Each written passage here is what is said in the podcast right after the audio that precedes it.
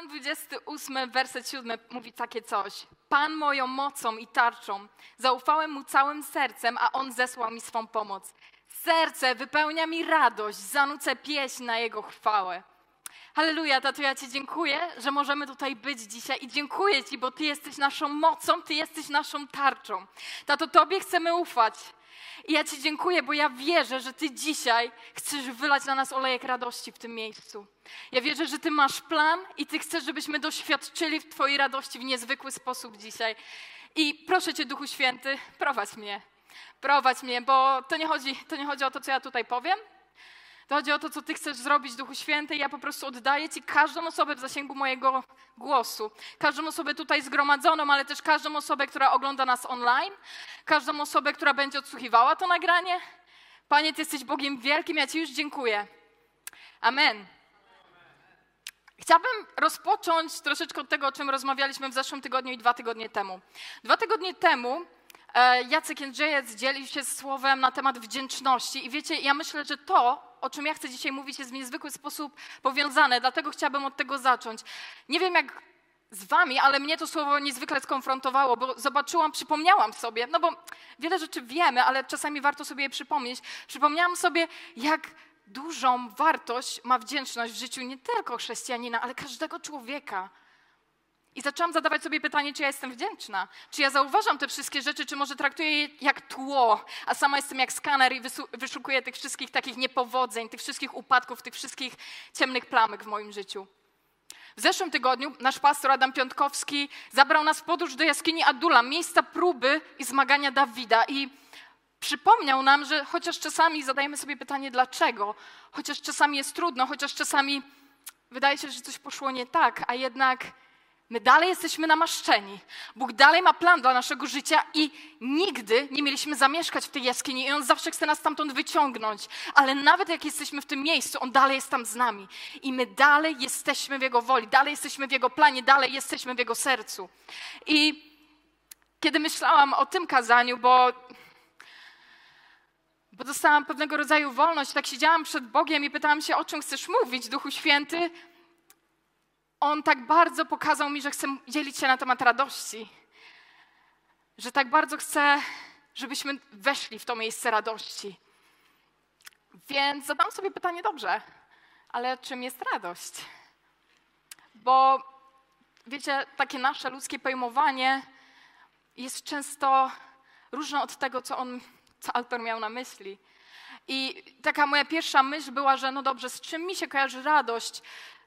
Z takim pewnego rodzaju błogostanem, weselem, szczęściem, może odczuwaniem przyjemności. Może to jest takie miejsce braku problemów, albo dla kogoś innego takie miejsce euforii, ponieważ wszystko dzieje się dobrze. Nie wiem jak wy, ale jak ja myślę o radości, to byłyby pierwsze skojarzenia. Coś takiego, ale problem pojawia się w tym momencie, kiedy zaczynasz iść do słowa, czytasz i nagle coś jest nie tak z twoją definicją. Bo znajdują się tam takie fragmenty, jak chociażby w liście Jakuba, pierwszy rozdział, wersety drugi do trzeci, które mówią coś takiego. Drodzy bracia, za najwyższą radość uważajcie te chwile, gdy jesteście poddawani przeróżnym próbom. Wiedzcie, że takie doświadczenie waszej wiary kształtuje wytrwałość. Wytrwałość, próby, radość. Za najwyższą radość. Aj, ja tu nie widzę przyjemności, przepraszam. I ja lubię odrabiać swoje zadanie domowe, z wykształcenia jestem tłumaczem, więc sobie od razu pomyślałam, dobra, pójdę do języków oryginalnych i sprawdzę, jak to się tam ma w oryginale. Co to jest ta radość tutaj, co to są te próby i ku mojemu niekłannemu zachwytowi odkryłam, że radość w Grece, to słowo, które zostało tutaj przetłumaczone jako radość, to właśnie radość. A próby, a próby to mogą być zmagania, to mogą być przeciwności. I Jakub tutaj pisze za najwyższą radość. Ach, uważajcie te chwile, gdy jesteście podawani przeróżnym próbom, kiedy stawiacie czoła pewnym wyzwaniom, tak? No nie wiem. Dobra, następny fragment. Hebrajczyków 12:2. Utkwijmy wzrok w Jezusie, w tym, który wzbudza i doskonali wiarę, i który ze względu na czekającą go radość wycierpiał krzyż, nie zważając na hańbę i zajął miejsce po prawej stronie tronu Boga. radość w bezpośrednim towarzystwie cierpienia krzyża, radość przed nim w momencie, kiedy odczuwał hańbę. Ta radość. I zaczęłam sobie myśleć o tym, ok, co jest nie tak z moją definicją. Bo ja tutaj nie widzę przyjemności, ja tutaj nie widzę jakiegoś takiego błogostanu, wesela, czegoś takiego, o czym mogłabym myśleć. Więc pytanie brzmi, o co chodzi z radością? Czy radość to jest to samo co szczęście? Czy to jest tożsame? Czy to są synonimy? I jak sobie tak zaczęłam analizować i poszłam e, do Biblii i znalazłam ile razy wymieniona jest radość w Biblii, to odkryłam, że 8 razy częściej niż szczęście. Prawie 8 razy. Bo szczęście pojawia się 54 razy, podczas gdy radość 422. I to mi pokazało, że z jakiegoś powodu dla Boga tak ważne jest to, żebyśmy byli w miejscu radości. I że niekoniecznie to jest to, co nam się wydaje. I myślę, że tym miejscu przejdę do mojego punktu pierwszego, bo ja lubię definicję. Radość, szczęście i odczucie przyjemności nie są tym samym doświadczeniem. I uważam, że bardzo dobrą ilustracją tego jest historia Pawła i Sylasa, którą znajdujemy w 16 rozdziale dziejów apostolskich.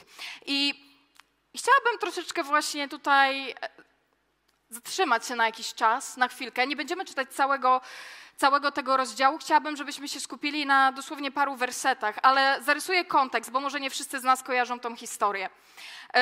Generalnie Paweł i Sylas byli w podróży misyjnej, w pewnym momencie trafili do Filipi.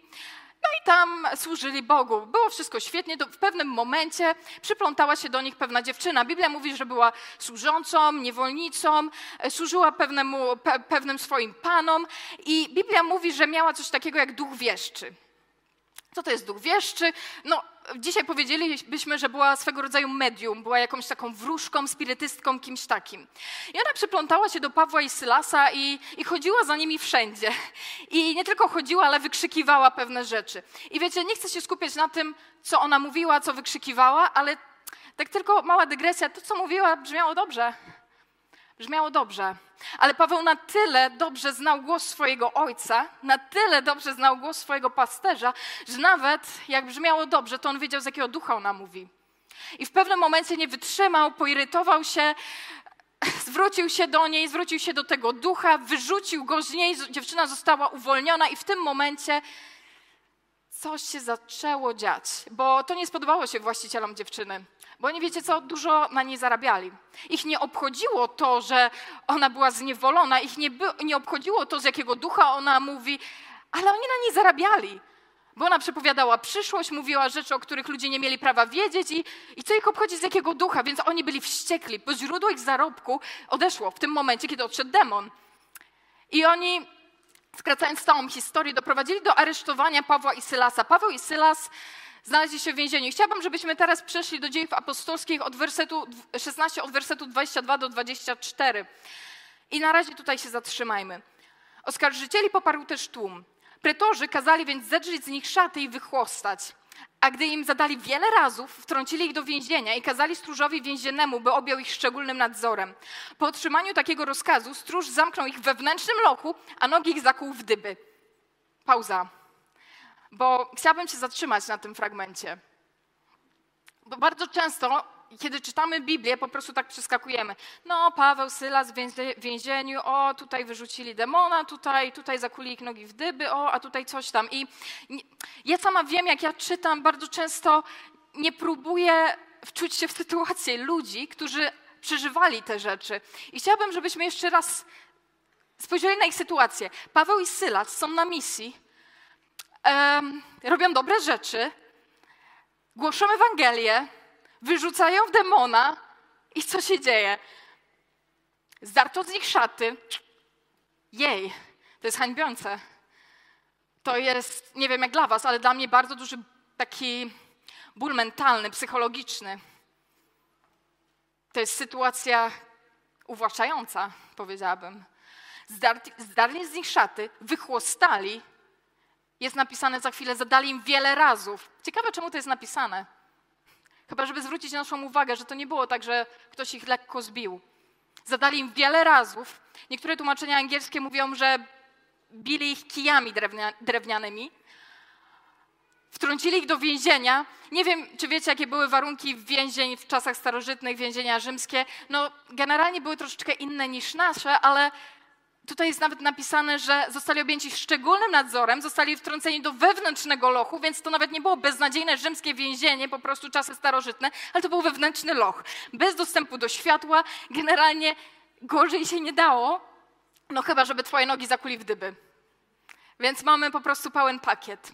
No i to jest sytuacja mniej więcej Pawła i Sylasa i dla mnie to jest sytuacja hańbiąca, bolesna, uwłaczająca, zniechęcająca, no i powiedziałabym pewnie, że taka trochę niesprawiedliwa. Zaczęłam zastanawiać się, jak ja bym się czuła w ich sytuacji, co ja bym zrobiła w ich sytuacji, a co oni zrobili. I werset 25 mówi o tym, co oni zrobili. Bo jest tu napisane coś takiego: około północy Paweł i Sylas modlili się i śpiewali Bogu hymny. I zatrzymajmy się na ten moment. Za chwilę, za chwilę przeczytamy dalej, co się stało, ale chciałabym się zatrzymać na tej modlitwie i na tych hymnach, bo myślę, że to jest bardzo ważne. Zadałam sobie pytanie, jak ja bym się modliła w takiej sytuacji.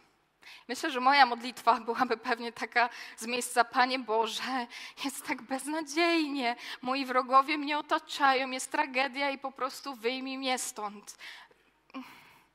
Ja myślę, że w moim przypadku mogłoby być coś takiego. I ja nie mówię, że to jest złe, bo Dawid, wiele, wiele z psalmów Dawida właśnie, właśnie tak w szczery sposób otwiera się przed Bogiem. Pokazuje, jaka jest sytuacja. I ja w żaden sposób nie mówię, że jest to, nie wiem, niedobre czy cokolwiek. Nie, absolutnie. Ale dla mnie niezwykle ciekawe jest to, co oni zrobili tak naprawdę. Jakiego rodzaju to była modlitwa, jakiego rodzaju to były hymny. Bo znowu odrobiłam zadanie domowe i poszłam do tego słowa hymneo. I wiecie, co ono znaczy? Pieśni chwały. I tradycji żydowskiej, gdybyśmy to przetłumaczyli na hebrajski, to byłby tak zwany halel. To są psalmy od 113 do 118, które są recytowane albo śpiewane w wyjątkowo radosnych uroczystościach, podczas wyjątkowo radosnych uroczystości. Jakbyśmy poszli sobie do tych psalmów, nawet teraz, i zaczęli sobie czytać 113 do 118, no to to są te psalmy mniej więcej, które mówią Halleluja, wykrzykujcie Panu wszystkie narody, chwalcie Pana wszyscy Jego słudzy. To są te psalmy bo Pan jest dobry. To są one, to nie są te takie, te właśnie przepełnione smutkiem, to są, to są pieśni, chwały. Więc mamy Pawła i Sylasa, którzy są ubici, umęczeni, są w bardzo trudnej sytuacji i oni modlili się i śpiewali Bogu hymny, i śpiewali Bogu pieśni chwały. Przysłuchiwali im się więźniowie. Ciekawe doświadczenie, prawda? Ciekawe świadectwo. I co się dzieje? Nagle zatrzęsła się ziemia na tyle mocno, że przesunęły się fundamenty więzienia. Wszystkie drzwi stanęły natychmiast otworem, a więzy wszystkich rozluźniły się. Niezwykłe. W miejscu ponadnaturalnej radości, w miejscu ponadnaturalnej chwały pojawia się ponadnaturalna wolność. Bo wiecie, to nie jest naturalna reakcja, przepraszam. Naturalna reakcja byłaby inna. Byliby złamani, zniechęceni, mieliby dosyć. To jest nasza naturalna ludzka reakcja. Ale oni śpiewają Bogu chwały, co pokazuje, że oni mają ponadnaturalną radość. Radość, która nie wypływa z okoliczności zewnętrznych, radość, która nie jest zależna od okoliczności zewnętrznych, które są, jakie są w tej sytuacji. To jest, to jest ponadnaturalna radość, która wobec tego musi mieć inne źródło. I chciałabym, żebyśmy na chwilę przeszli do Jana 15, 11, kiedy Jezus mówi na temat radości, powiedział coś takiego: Powiedziałem wam to po to, aby moja radość gościła w was i aby wasza radość była pełna. I chwilę później w 16 rozdziale mówi: Podobnie wy teraz przeżywacie smutek, znów jednak was zobaczę i będziecie się cieszyć całym sercem, a waszej radości nikt już was nie pozbawi. I to jest ta radość, którą ja widzę w Pawle i Sylasie. To jest ta ponadnaturalna radość. To jest radość, która nie ma źródła gdzieś tam na zewnątrz, w okolicznościach, w tym, że jest fajnie, w tym, że wow, ale mamy ekstra służbę, ale dużo osób się nawróciło, założyliśmy kościoły, jest świetnie. Nie, znaczy fajnie jest odczuwać przyjemność, fajnie jest odczuwać szczęście, super, ale to, co ja tutaj widzę, to jest radość, która jest niezależna od tych okoliczności. Radość, która jest pełna, radość, której nikt już nam nie zabierze. Dlaczego nie zabierze? Bo kto nam ją dał? Czy dały nam ją okoliczności? Czy dały nam to, nie wiem, promocje, dobra praca, świetne relacje. Nie. To jest radość, która nie, nie, nie dostajemy jej z zewnątrz, ona wypływa z wewnątrz. To jest radość, która jest swego rodzaju postawą serca. To jest ponadnaturalna radość. I mój punkt drugi, ponadnaturalna radość, która jest owocem Ducha Świętego. Galacjan 5:22. Owocem zaś ducha jest miłość, radość, Pokój, cierpliwość, uprzejmość, dobroć, wierność, łagodność, powściągliwość. Przy takich cechach nie potrzeba prawa. Owocem zaś ducha jest radość. I chciałabym się tutaj na chwilę zatrzymać. Czym jest owoc? Hmm. Jak powstaje owoc? Czy owoc jest niezależny od drzewa? Gdzieś tam tak się materializuje w sklepie na półce? No, ja jestem z miasta, mogę nie wiedzieć, ale nie. Oto podzielę się moją wiedzą biologiczną. Owoc jest wyrazem dojrzałości nasion. Tak. Owoc jest słodkim produktem natury drzewa, charakteru drzewa. Jakie drzewo, taki owoc. Owoc jest w pewien sposób zasilane przez to drzewo. Gałęzie są połączone z pniem, to wszystko jest zakorzenione, to jest jeden organizm. I w pewnym momencie, w momencie tej dojrzałości powstaje owoc. Ten fragment z Jana, Jana 15, 11 mówił: Powiedziałem wam to po to, aby moja radość w was gościła i żeby wasza radość była pełna, ale co Jezus powiedział chwilę wcześniej? Parę wersetów wcześniej powiedział coś takiego: Ja jestem winoroślą. 15:5. Ja jestem winoroślą, wypędami. Kto trwa we mnie, a ja w nim, ten przynosi obfity owoc, bo beze mnie nie jesteście w stanie nic uczynić. Kto trwa we mnie, a ja w nim, ten przynosi owoc. Owocem zaś ducha jest radość. Powiedziałem wam to po to, aby moja radość w was gościła i żeby wasza radość była pełna. Wow,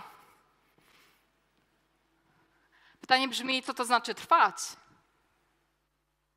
Bo myślę, że każdy z nas chciałby, chciałby zbierać owoce, chciałby chodzić w tej ponadnaturalnej radości, ale skoro Jezus mówi, ja jestem winoroślą wypędami, jeżeli nie trwacie we mnie, nic nie jesteście w stanie uczynić, ja zadaję sobie pytanie, co to znaczy trwać w Nim, jak możemy trwać w Nim. I myślałam o tym troszeczkę i i chciałabym tak troszeczkę podejść do tego w praktyczny, bardzo praktyczny sposób. Bardzo praktyczny sposób.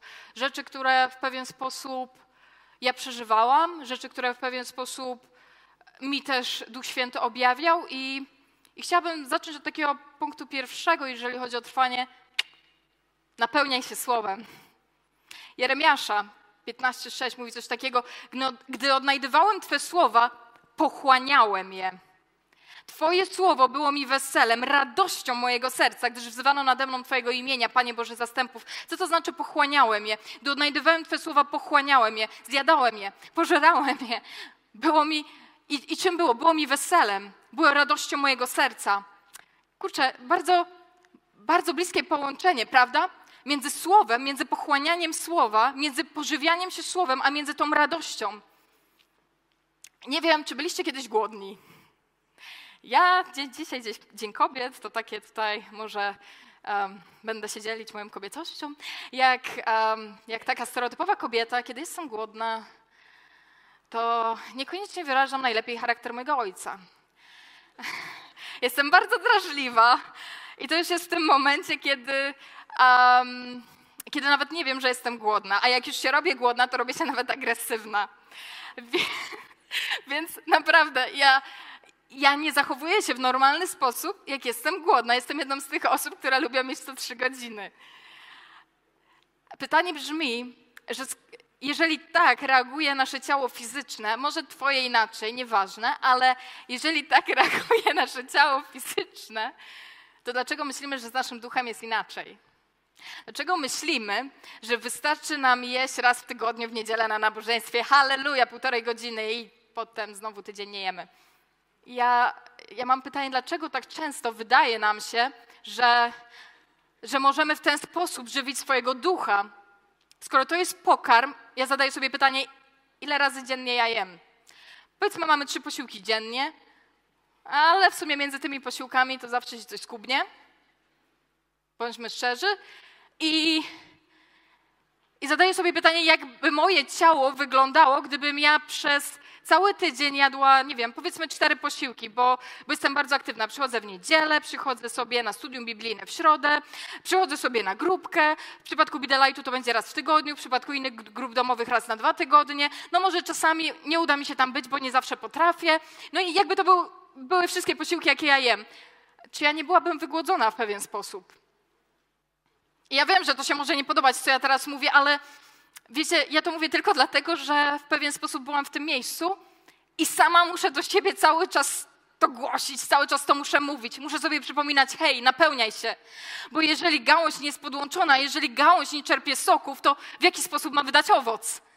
I muszę cały czas na nowo przypominać sobie, jak bardzo to jest kluczowe, jak bardzo kluczowe jest trwanie w nim, jak bardzo to jest, jak bardzo to jest ważne. Ja wiem, że to może brzmieć dla nas, Kościele, jak jakiś truizm, czytaj swoją Biblię, ale, ale jest w tym prawda.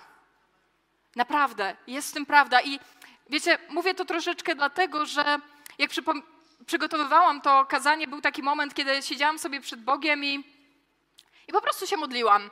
I modliłam się i i poczułam, że mam puścić pewne, pewną płytę, która jest niezwykle dla mnie ważna. Muzyka uwielbieniowa. Puściłam sobie tą płytę i po prostu uderzyły mnie pierwsze nuty i, i od razu poczułam tak przemożną wdzięczność. A za wdzięcznością praktycznie w tym samym momencie poszła radość. I dlaczego o tym mówię? Punkt drugi w trwaniu: praktykuj wdzięczność. To jest również związane z punktem pierwszym, za chwilę zobaczycie, dlaczego do tego od razu przeszłam. O co chodzi? Bóg przypomniał mi, poprzez, poprzez te pieśni uwielbienia, przypomniał mi, gdzie ja byłam 6 lat temu. A 6 lat temu byłam w swojej jaskini Adullam. Byłam w miejscu depresji. Byłam w miejscu, w którym bardzo długo się nie napełniałam słowem, bardzo długo już nie jadłam. Byłam duchowo bardzo wychudzona. Byłam tak na skraju, byłam tak na granicy, no nie miałam radości. Nie miałam radości. Moja relacja z Bogiem w sumie ograniczała się do tego, że ja wiedziałam, że Bóg jest i to sprawiało, że no nie byłam w stanie odebrać sobie życia. No i to tyle. I mniej więcej na tym się kończyła moja relacja z Bogiem, że, że tylko ta świadomość, że wiedziałam, że On jest, bo Go doświadczyłam kiedyś, bo bo byłam nawrócona, ale coś się zadziało w moim życiu. W jakiś sposób trafiłam do tego miejsca tak, tak beznadziejnego, wydawałoby się, do tej mojej jaskini. Byłam tak bardzo na dnie, że straciłam całą radość, straciłam. Straciłam tą, tą głębię relacji i, i za, za, byłam pełna wątpliwości, byłam pełna takiego zniechęcenia, pesymizmu. Ja nie widziałam drogi przede mną. I w tym miejscu, to był 2014, Bóg przeniósł mnie do ciekawego miejsca. Pojechałam na stypendium do Chin. I właśnie w tym miejscu, takim wydawałoby się um, no niezwykłym na doświadczenie działania Ducha Świętego, prawda? Duch Święty zaczął, zaczął mi się objawiać w niezwykły sposób. Zaczęłam po prostu go poznawać, bo wiecie, w, w tym środowisku, w którym ja wyrosłam, w którym się wychowałam, nie za dużo się mówiło o Duchu Świętym. Ja wiedziałam, że On jest, ale nie wiedziałam nawet, że jest osobowy, bo Bóg Ojciec osobowy, Jezus osobowy, a Duch Święty był dla mnie taką jakąś, nie chcę nawet powiedzieć ideą, bardziej taką, takim bytem, takim, taką mocą, czymś takim. Ja, ja, ja nie znam nauczania na temat Ducha Świętego i właśnie w tym czasie, w tym czasie, kiedy ja byłam po prostu tak wyczerpania, byłam tak na dnie, byłam tak pozbawiona tej radości i wszystkiego, Duch Święty zaczął przychodzić do mnie w nowy sposób zaczęłam go poznawać po prostu. I właśnie w tym momencie zaczęłam słuchać tej płyty, którą sobie puściłam parę dni wcześniej, dlatego jak tylko usłyszałam tę melodię, po prostu wow, wdzięczność. Wdzięczność, bo zobaczyłam mój proces, zobaczyłam przez co przeszłam, zobaczyłam to miejsce, z którego Bóg mnie wyprowadził, a w tej wdzięczności powstała tak wielka radość. Bo zobaczyłam, gdzie ja byłam i zobaczyłam, gdzie ja jestem teraz. I ja chcę ja wiem, że to może brzmieć dziwnie, ale naprawdę ja czuję, że mam to powiedzieć, że nawet stojąc tutaj przed Wami, ja czuję, że te ostatnie sześć lat, kiedy sześć lat temu Duch Święty zaczął mnie uczyć na temat radości i zaczął wlewać we mnie tą radość, dla mnie to jest bardzo osobiste przesłanie. Radość to jest dla mnie bardzo osobiste przesłanie. Dlatego ja naprawdę liczę na Jego łaskę w tym momencie. W momencie, kiedy On zaczął we mnie wlewać tą radość, ja naprawdę jestem w stanie powiedzieć, że przez całe te ostatnie lata ja byłam w miejscu radości. A okoliczności były różne. Te sześć lat, szczerze mówiąc, były chyba najtrudniejszymi latami w moim życiu. Było dużo wyzwań, dużo bólu, dużo złamania, dużo miejsc, kiedy czułam się po prostu, że jestem w tym wewnętrznym lochu. Był czas, kiedy leżałam na ziemi, płakałam, jęczałam, to nie były pieśni chwały. To był taki ból emocjonalny, że wręcz go czułam fizycznie, ale jestem w stanie z tego miejsca powiedzieć, że ja dalej byłam w miejscu radości. Dlaczego? Bo ja dalej byłam przyklejona do mojego Jezusa. I okoliczności były różne, ale ja dalej byłam przyklejona do Niego. Ja dalej byłam w stanie chwalić, ja dalej byłam w stanie po prostu płakać przed Nim, ale nawet z radości, w tym całym bólu, złamaniu, cierpieniu. Radość dalej była. To było, to było ponadnaturalne odczucie, coś, czego wcześniej nie doświadczyłam. Kiedy byłam w depresji, wiecie co, to nie było dlatego, że ja miałam niesamowitą traumę jakąś życiową. Nie. A tutaj doświadczałam różnych rzeczy, a równocześnie ta radość była. I chciałabym tutaj bezpośrednio przejść do, do mojego punktu trzeciego, jeżeli chodzi o trwanie, czyli to, o czym czytaliśmy w Hebrajczyków. Utkwijmy wzrok w Jezusie. Utkwijmy wzrok w Jezusie, w tym, który wzbudza i doskonali wiarę i który ze względu na czekającą go radość, inne tłumaczenia mówią, że z powodu radości znajdującej się przed nim, wycierpiał krzyż, nie zważając na hańbę i zajął miejsce po prawej stronie tronu Boga. Utkwijmy swój wzrok Jezusie.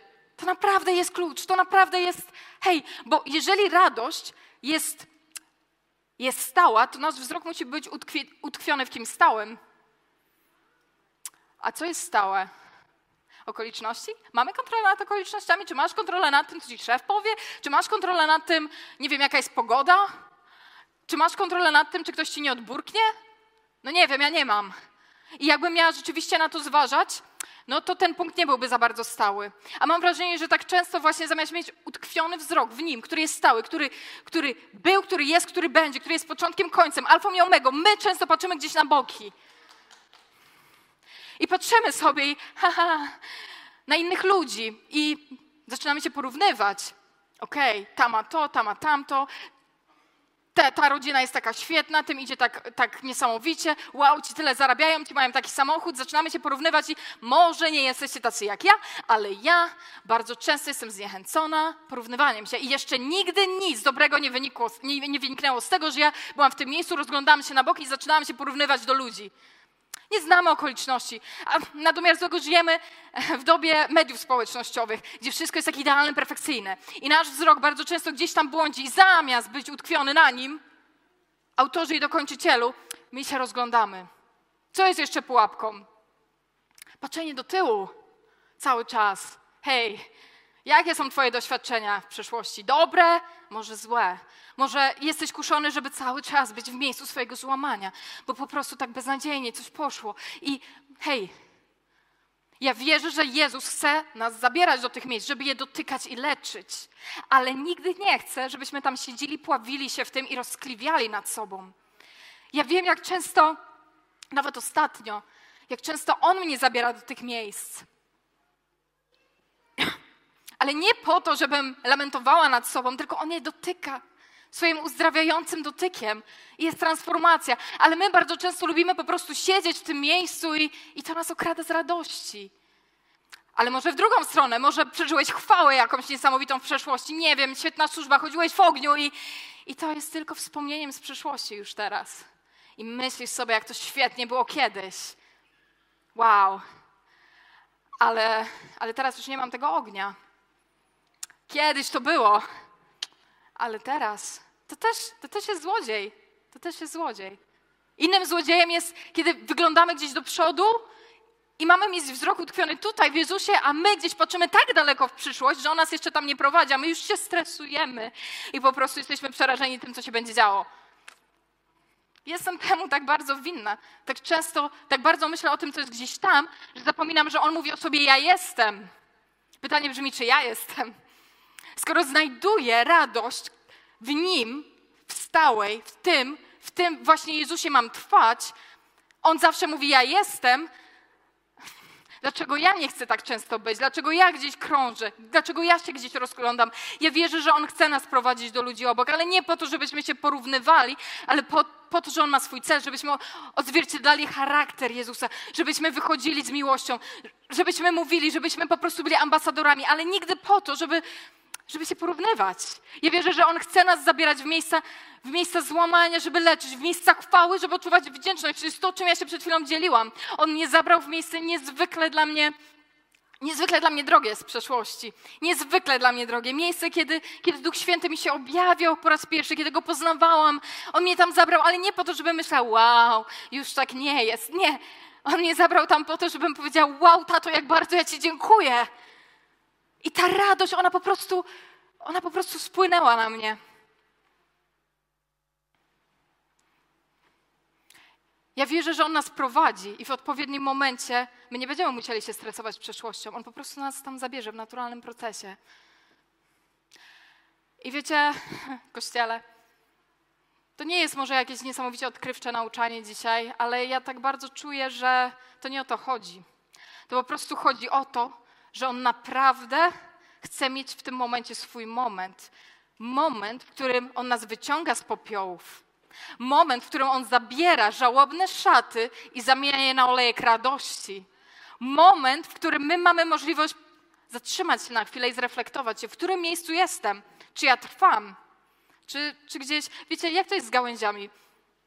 Jak długo gałąź trwa, jest odżywiona, ale jakbyśmy mieli iść za daleko, jakby taka gałąź nie odżywiała się, jakbyśmy my głodzili swoje ciało, to w którym momencie jesteśmy już tak wygłodzeni, że, że pojawia się choroba, a po chorobie nawet i gorzej. W którym momencie gałąź jest zagrożona uschnięciem.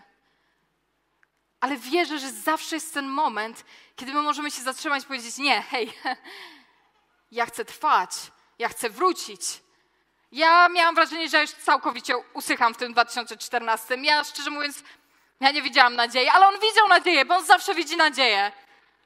On zawsze wie, kiedy jest właściwy moment i ja po prostu czuję dzisiaj, że to jest takie trochę wyzwanie do nas, do tego, żebyśmy, hej, zatrzymali się na chwilę i zapytali, zadali sobie pytanie, czy ja w nim trwam, czy ja chcę tej ponadnaturalnej radości, czy ja go nie za szczęście. Ma szczęście? Jest, nie ma, jest ulotne. Bo Kościele, jeżeli chcemy radości, ja wierzę, że On chce dzisiaj ją wylewać. I chciałabym, żebyśmy po prostu przed Nim stanęli. Żebyśmy się po prostu troszeczkę, żebyśmy stanęli, zatrzymali się i pomyśleli, hej, jak to jest w naszym życiu? A może słuchasz mnie teraz i jesteś bardziej w takim miejscu, że no dobra, fajnie, okej, okay, ale o co chodzi z tym Jezusem? Bo ja nawet o tym nie myślałam troszeczkę, ale dzisiaj rano, jak tu weszłam do tego pomieszczenia, bardzo miałam takie przekonanie, że może jest ktoś z nas tutaj, który który potrzebuje albo oddać swoje życie Jezusowi, albo odświeżyć tą relację bardzo mocno. Może byłeś w takim miejscu już dłuższy czas, że, że potrzebowałeś. Potrzebowałeś, potrzebowałeś tej świeżości. I ja czuję, że dzisiaj może być ten moment, ten moment, kiedy naprawdę na nowo staniemy przed Nim, na nowo staniemy przed Nim i powiemy: Panie Jezu, ja Ci oddaję swoje życie, a Ty jesteś tym, z którego czerpię soki. Ty jesteś tym, który sprawia, że ja wydaję owoc, bo trwam w Tobie. Możemy się pomodlić? Możemy się pomodlić, Kościele, jeżeli jesteś jedną z tych osób. Może, może nie za dużo wiesz o Jezusie. A ja tutaj mówię, trwaj, trwaj, trwaj. Ja chcę tylko powiedzieć, że, że On jest tym, który dzisiaj wypowiada Twoje imię. On jest tym, który dzisiaj Cię woła. I ja nie wiem, w jakim Ty jesteś miejscu, skąd przyszedłeś, może jesteś tutaj po raz pierwszy, może, może tu przychodzisz od jakiegoś czasu, ale dzisiaj może być ten moment. Ten moment, kiedy Ty staniesz i powiesz, ja chcę, ja chcę pić. Ja chcę pić tą wodę życia. Ja chcę, ja chcę Cię poznawać. Ja, ja za dużo o Tobie nie wiem, Jezu, ale ja chcę Cię poznawać. Ja chcę mieć tą radość, radość, która jest ponadnaturalna, radość, która jest niezależna od moich okoliczności. Nawet jeżeli jesteś może teraz w takim miejscu jaskini, może jesteś w miejscu więzienia. Ja wierzę, że Ty możesz mieć tą radość, nawet, nawet dzisiaj, bo to jest ponadnaturalne.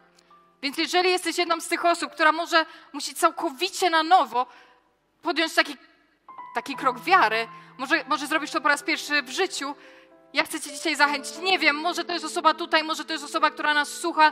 Ja tego nie planowałam, szczerze mówiąc, przyszłam tutaj i siedzę sobie w pierwszym rzędzie, oni mają próbę i po prostu mam takie przekonanie, ktoś tutaj jest, kto musi usłyszeć wyzwanie. Hej, jest Bóg, który Cię kocha, jest Bóg, który chce mieć z Tobą relację, jest Bóg, który oddał za Ciebie życie. ten Syn Boży oddał za ciebie życie. On zmartwychwstał po to, żebyś ty miał życie wieczne. Żebyś miał radość, Jego radość, żeby twoja radość była pełna.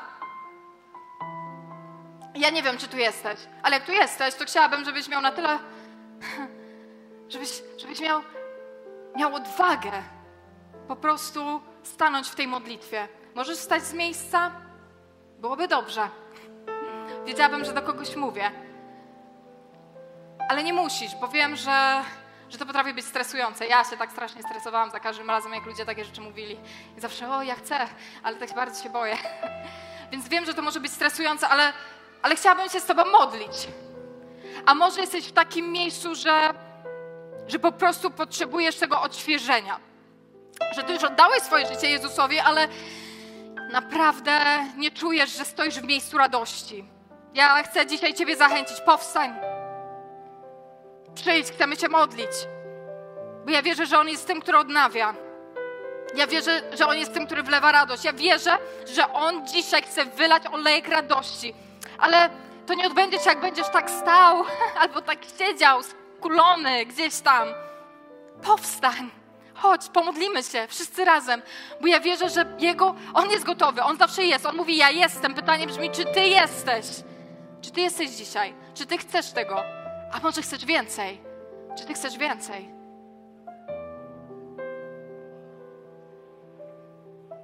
Nie wstydźcie się. Nie wszyscy naraz. Ja tu sobie będę stała i będę się modliła. Panie, ja sobie mogę ryzykować i będę ryzykować, bo ja wiem, że Ty chcesz wylewać na swój kościół, na swój lud swoją radość w nowy, świeży sposób. I ja po prostu wiem. I nawet jak nikt nie będzie chciał odpowiedzieć na to wyzwanie, ja i tak to wyzwanie tutaj zrobię. Bo ja wiem, co Ty powiedziałeś. Ja wierzę, że Ty chcesz wylewać swoją ponadnaturalną radość na swój lud. Bo Ty jesteś naszą mocą. Ty jesteś naszą tarczą. W Tobie chcemy trwać. I drogi Duchu Święty, ja w tym momencie zapraszam Ciebie, bo, bo ja nie jestem w stanie nic zrobić, ja jestem tylko Twoim narzędziem. Jestem Twoim narzędziem, ale ja proszę Cię, dotykaj się, dotykaj się, dotykaj się. Wylewaj swoją radość, wylewaj swoją radość, wylewaj swoją radość, nawet w miejscu złamania, nawet w miejscu jaskini, nawet w miejscu, gdzie wydaje się, że nie ma nadziei, wylewaj radość. Proszę Cię, Duchu Święty. Ja wierzę, że Ty łamiesz po prostu takie kajdany smutku i zniechęcenia. Ja wierzę, że Ty wyswobadzasz swój lud. Ja wierzę, że chwała się wzniesie. Ta chwała, ta chwała, która sprawiła, że nadeszło trzęsienie ziemi. Że całe więzienie się zatrzęsło a drzwi się otwarły, a więzy się rozluźniły. I ja w tym momencie chcę prosić Cię, Duchu Święty, wyważaj spiżowe wrota. Otwieraj drzwi. Otwieraj drzwi, niech Twoja radość, Twoja wolność się wlewa.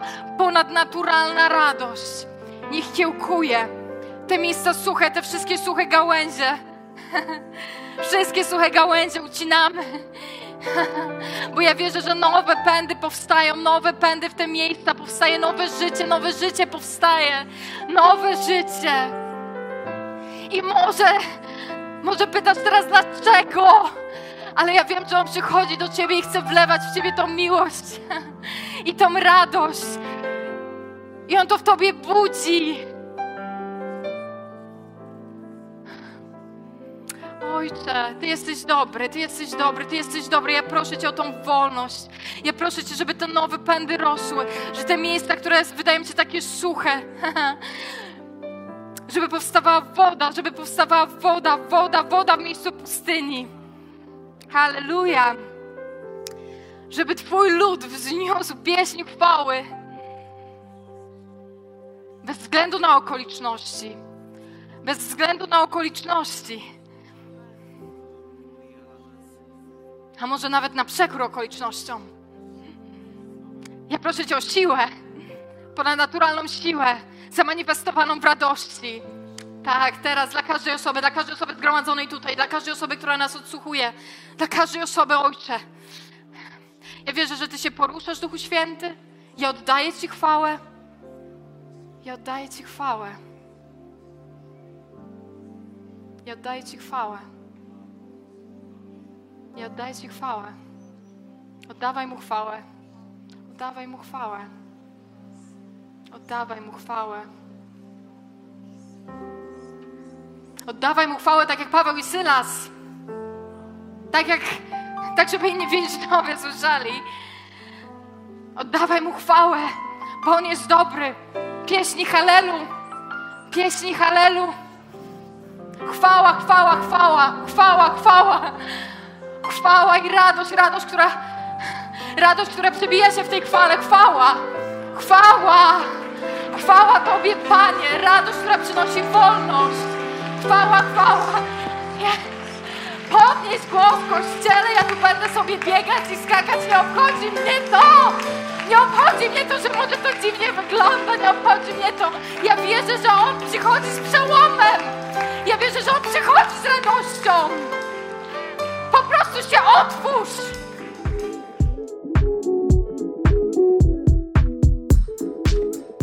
Dzięki za odsłuchanie podcastu Kościoła Wrocław dla Jezusa. Przesłanie było dobre, prawda?